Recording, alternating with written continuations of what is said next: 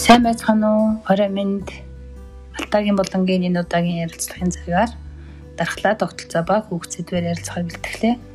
Манай өнөөдрийн зочноор их хэмж мэрэгчлээ бас хөөрөгдсөн байгаа. За цэгэдээ энэ өдрийн мэндийг хүргэе. За танд ч гэсэн энэ өдрийн мэндийг хүргэе. Баярлалаа. Миний урилгыг хүлээж авсанд маш баярлалаа. Хоёлаа сонсогчтой өөрийгөө танилцуулах уу? За ярилцлагатай урьж оролцуулсан танд бас баярлалаа. Хоёрын ярилцлагыг сонсож байгаа бүгдийн энэ өдрийн ямрыг гэрээ. Намайг Батлагрын цэцэглэгэр гэдэг хүний их юм сэтгэл судлаач мэрэгчлээ. Сургуулийн өмнөх боловсролын байгууллагт одоо 3 дахь жилдээ эмчээр ажиллаж байгаа. Мөн эмч багш нартай пэйж хуудсыг нээн ажиллаулдаг. Аа. Цэг маань одоо хөл хориог хэрхэн өнгөрүүлж байна? Ажил нь сайн байна уу? Бас хүүхдүүд нь сайн уу? Орд ир нь юу хийж байна да? Ажил сайн байна. Хүүхдүүд маань ч гэсэн сайн байгаа. Аа, ер нь өнгөрсөн оны 11 сараас манай улсын хэмжээнд хөл хорио тогтоосонтой холбоотойгоор аа, улсын ихэнх л ээжүүд маань гэртээ хүүхдээ харангаа онлайнаар ажиллаж байгаа. Би бас тэдний нэг айдлаар гэрээсээ онлайнаар ажиллангаа хүүхдүүдэд срадал байж байна да.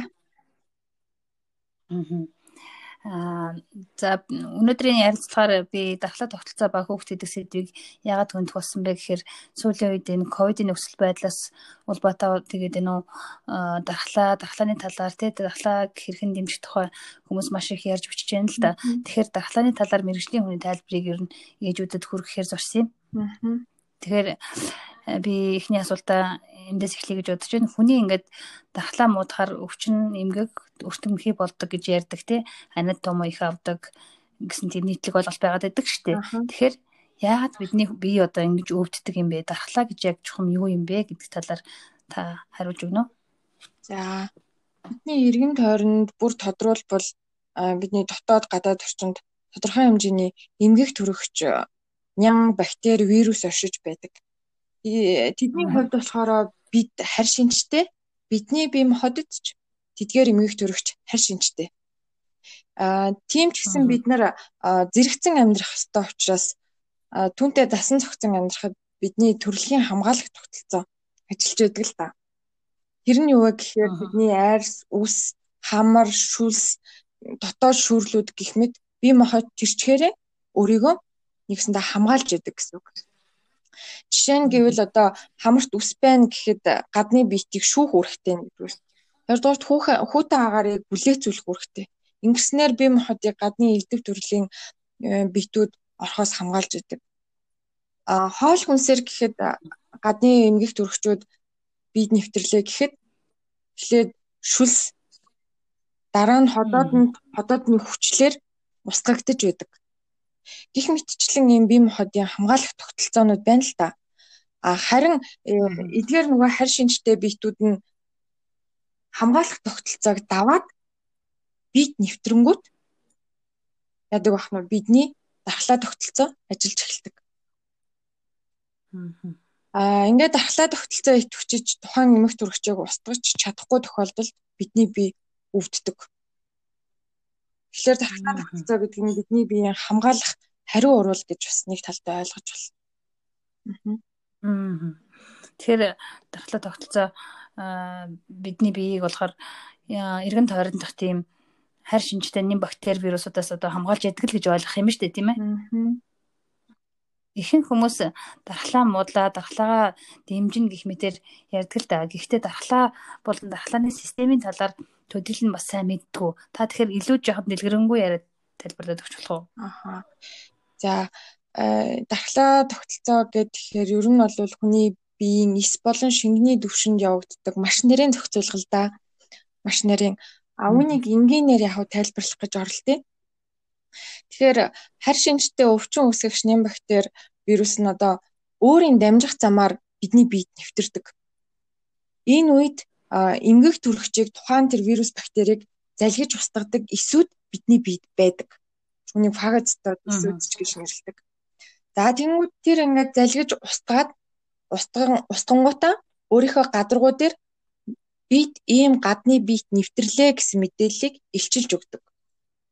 Түүнийг нь дархлааны Т лимфоцит гэдэг дархлааны эс мэдэрч Т хядагч эсийг одоо явуулдаг.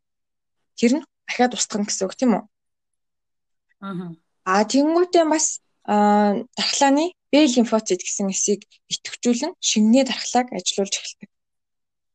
Ингээд тухайн эмгэх төрөгчийн эсрэг бидний бие эмэн голблын хэмээх уургуудыг уургийг нийлэгжүүлж эмгэх төрөгчийн эсрэг эсрэг бий үүсгдэг. Ингээд тухайн эмгэх төрөгчийг бүхий л ингээд төвшөнд эсийн болон шингний дархлаагаар арж авна гэсэн үг. Энэ хамгаалах тогтолцоог л дархлаа гэж нэг талдаа яриад байгаа.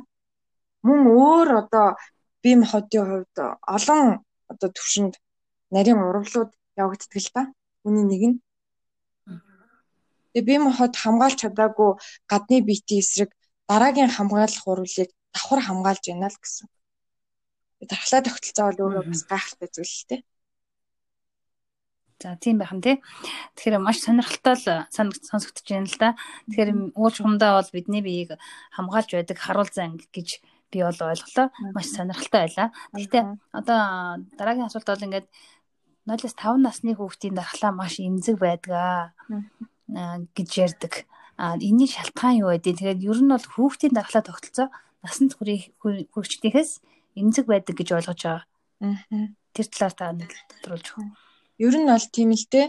Учир нь одоо дээр саяны ингээд ярьсан зүйлсүүд маань 0-5 насны хүүхдэд тутмаг байдаг. Нэгдүгээр гэх юм бол хамгаалах тогтолцоос бол сая нөгөө бие махбод хамгаалдаг гэж ярьжсэн. Аа. Тэгвэл одоо хүүхдийн хоол боловсруулах хүүхэд бол ингээд хоолны хордлогод их өртөмтгий байдаг тийм. Тэгвэл хүүхдийн хоол боловсруулах систем 0-5 наснда бүрэлдэн тогтдог юм байна л да. Харин ходоодны хүчил болон ашигт бактериуд нь хоол боловсруулах замаар орж ирсэн гадны биетийг устгаж байдаг. Тийм хамгаалах тогтолцоо. Хүүхдэд ашигт бактери ходоодны хүчил нь сул байдгаас шалтгаалаад нөгөө эмгэг төрөгчд чинь хоолоор дамжиж орж ирээд устгаж чадахгүй өвдөд идэг баг. А хоёрдугаар гэх юм бол сая Т лимфоцит, Б лимфоцит гэдэг дархлааны эсүүд байдаг гэж ярьсан. Эдгээр эсүүд нь 0-5 наснд мөн бага түвшинд байдаг. Насан туршидтэй харьцуулахад А жишээ нөгөө харь шинжтэй эмгэх төрөгчийн эсрэг нийлэгжүүлдэг иммун глобулин гэдэг уургийн хэмжээ хүүхдэд бол бага түвшинд байдаг учраас хүүхэд ингээ нөгөө дахин давтан халдварт өртөөд идэг. Үүнээс сэргийлэхийн тулд одоо олдмол тархлаа гэж нэрлэдэг л дээ. Эний нэг нь вакцин баггүй юу? Яг үгийн нэг үгээр хэлбэл нөгөө эмгэх төрөгчийг гадны харь шинжтэй биш шүү гэсэн мэдээллийг хүүхдийн биед бий болгох болгож байгаа гэсэн. Ингэснээр хүүхдийн амьд хавтаа элдв өвчлөөс хамгаалж байгаа нэг хэрэг болдог юм маш нарийн зүйл байх нь шүү дээ тийм ээ. Тэгэхээр э, энэ тухай бол би урд нь өстой мэдж байгаагүй юм байна. За тэгэхээр бид э, дархлаагаа хэрхэн дэмжих ёстой юм бэ? Ялангуяа энэ ковидын үед тийм ээ. Бид гэртээ өдөр тутам хүүхдийнхээ болон өөрсдийнхээ дархлааг хэрхэн дэмжих ёстой талаар зөвлөгөө өгнө үү? Аа нэгдүгээр гэх юм бол сая хамгаалах тогтолцоо гэж төрүүлж ярьсан. Тэгэхээр хамгаалах тогтолцоогоо сайн дэмжих хэрэгтэй. Ялангуяа хүүхдийн хамгаалах тогтолцоо сул байдаг учраас илүү их анхаарах нь зөв. Үүнд нь юу орох вэ гэхээр хамрыг тогтмол цэвэрлэх, гарыг тогтмол угаах, арсыг цэвэр байлгах гэх мэтлэн арчилгаанд нь маш сайн анхаарах нь зүйтэй. А хоёрдугаар юм бол одоо энсиа мангаа ухаанууднаас өвлийн улиралд хүний бие нь хүүтэн тасан зохицохын тулд хурж эхэлдэг. Эсийн мембрана хансан тосны хүчилд шилжүүлдэг. Үүнтэй зэрэгцээ дулаан өсөлт нь бага энерги хуримтлалт хуримтлалт ихтэй. Ийм үед бодисын солилцоо удаашрч ирдэг. Ингээ бодисын солилцоо удаашраад ирэхээр альва зүйлд одоо хариу урвал үзүүлэх нөлөө буурна. Ингээ хариу урвал үзүүлэх нөлөө буураад ирэхээр үүнийг дагаад дархлааны урвалаас буурж ирдэг. Энэ нь хүүхдэд бүр илүү их ажиглагддаг. Тийм учраас энэ төлөвийн эсрэг халуун чанартай хоол хүнсийг хэрэглэж тархлаагаа бас нэг талдаа дэмждэг. Халуун чанарын хоол хүнсэнд нь юу орох вэ гэхээр адууны мах, аарц, үр тариа, оливын тос, загсны тос гэх мэт ханаагүй тосны хүчлэлээр баялаг шимт хичээлтэй бүтээгдэхүүнүүдийг хэрэглэн гэсэн үг юм. За 3 дугаарт нь гэсэн бол биеийн дасгал хөдөлгөөнийг маш сайн хийх хэрэгтэй тогтмол. Цэцэрлэгт бол өглөөний дасгал гэж банк хийдэг. А энэ нь болохоор бидний хүссэн биеэр одоо шүн унтаад хүссэн биеэр цус болон лимфийн шингэний урсгалыг дэмжиж дархлаа тогтолцоог идэвхжүүлж яадаг. За дөрөвдүгээр гэх юм бол бид нэр сэтгэлийн дасгалыг бас банк хийх хэрэгтэй. Сэтгэл санаагаа тайван байлгах хэрэгтэй. Ингэж сэтгэл санаагаа тайван байлгаж дэмжиж өгснөөрөө одоо ямар дасгалууд байхаа гэхээр тэрвэрх хүүхдэд бол хүүхдийг айгүйх инээлгэх стрессгүй байлгах тий Ингэснээрээ нөгөө хайрын даавар буюу эндорфин гэж ярьдаг серотонин гэх мэт дааврууд ихээр ялгарснаар ялгардаг. Тийм. Одоо тархлааг дэмжиж өгнө. Аа тавдугаар гэх юм бол нөгөө хүчил төрөх жалчгүй хэрэгтэй агаарт гарах. Аа энэ нь болохоор яадаг вэ гэхээр хүчил төрөгч чинь өөрөө цуснд шүлтлэг орчин бий болгоод одоо дархлааг дэмжиж яадаг гэсэн үг. Тэнгүүд одоо ийм ковидтэй юм үед мэдээж нөгөө агаарт гарах ч гэдэг юм уу бас хөл хорионы нөхцөл байгаа болохоор хүүхдэр илүү амьсгалын дасгал хийх нь илүү үр дүнтэй. Яа тэгэхээр хүүхэд э, жоохон буруу амьсгалах гаддаг. Тэгэхээр нөгөө хамрын амьсгалаа таглаад амаараа амьсгалах э, талтай байгаад идэг. Тэгэхээр энэ нь нөгөө нэг хүчил төрөгчийн хангамж бас тутмаг авах талтай. Эдгээрийг бас э, нарийн хэрэгжүүлвэл хүний тархлаа тогтолцоонд бас тодорхой хэмжээгээр нөлөөлнө. За яг сая дээр ярьсантай холбогдуулаад нэг асуулт дахиад нэмэт асуучих.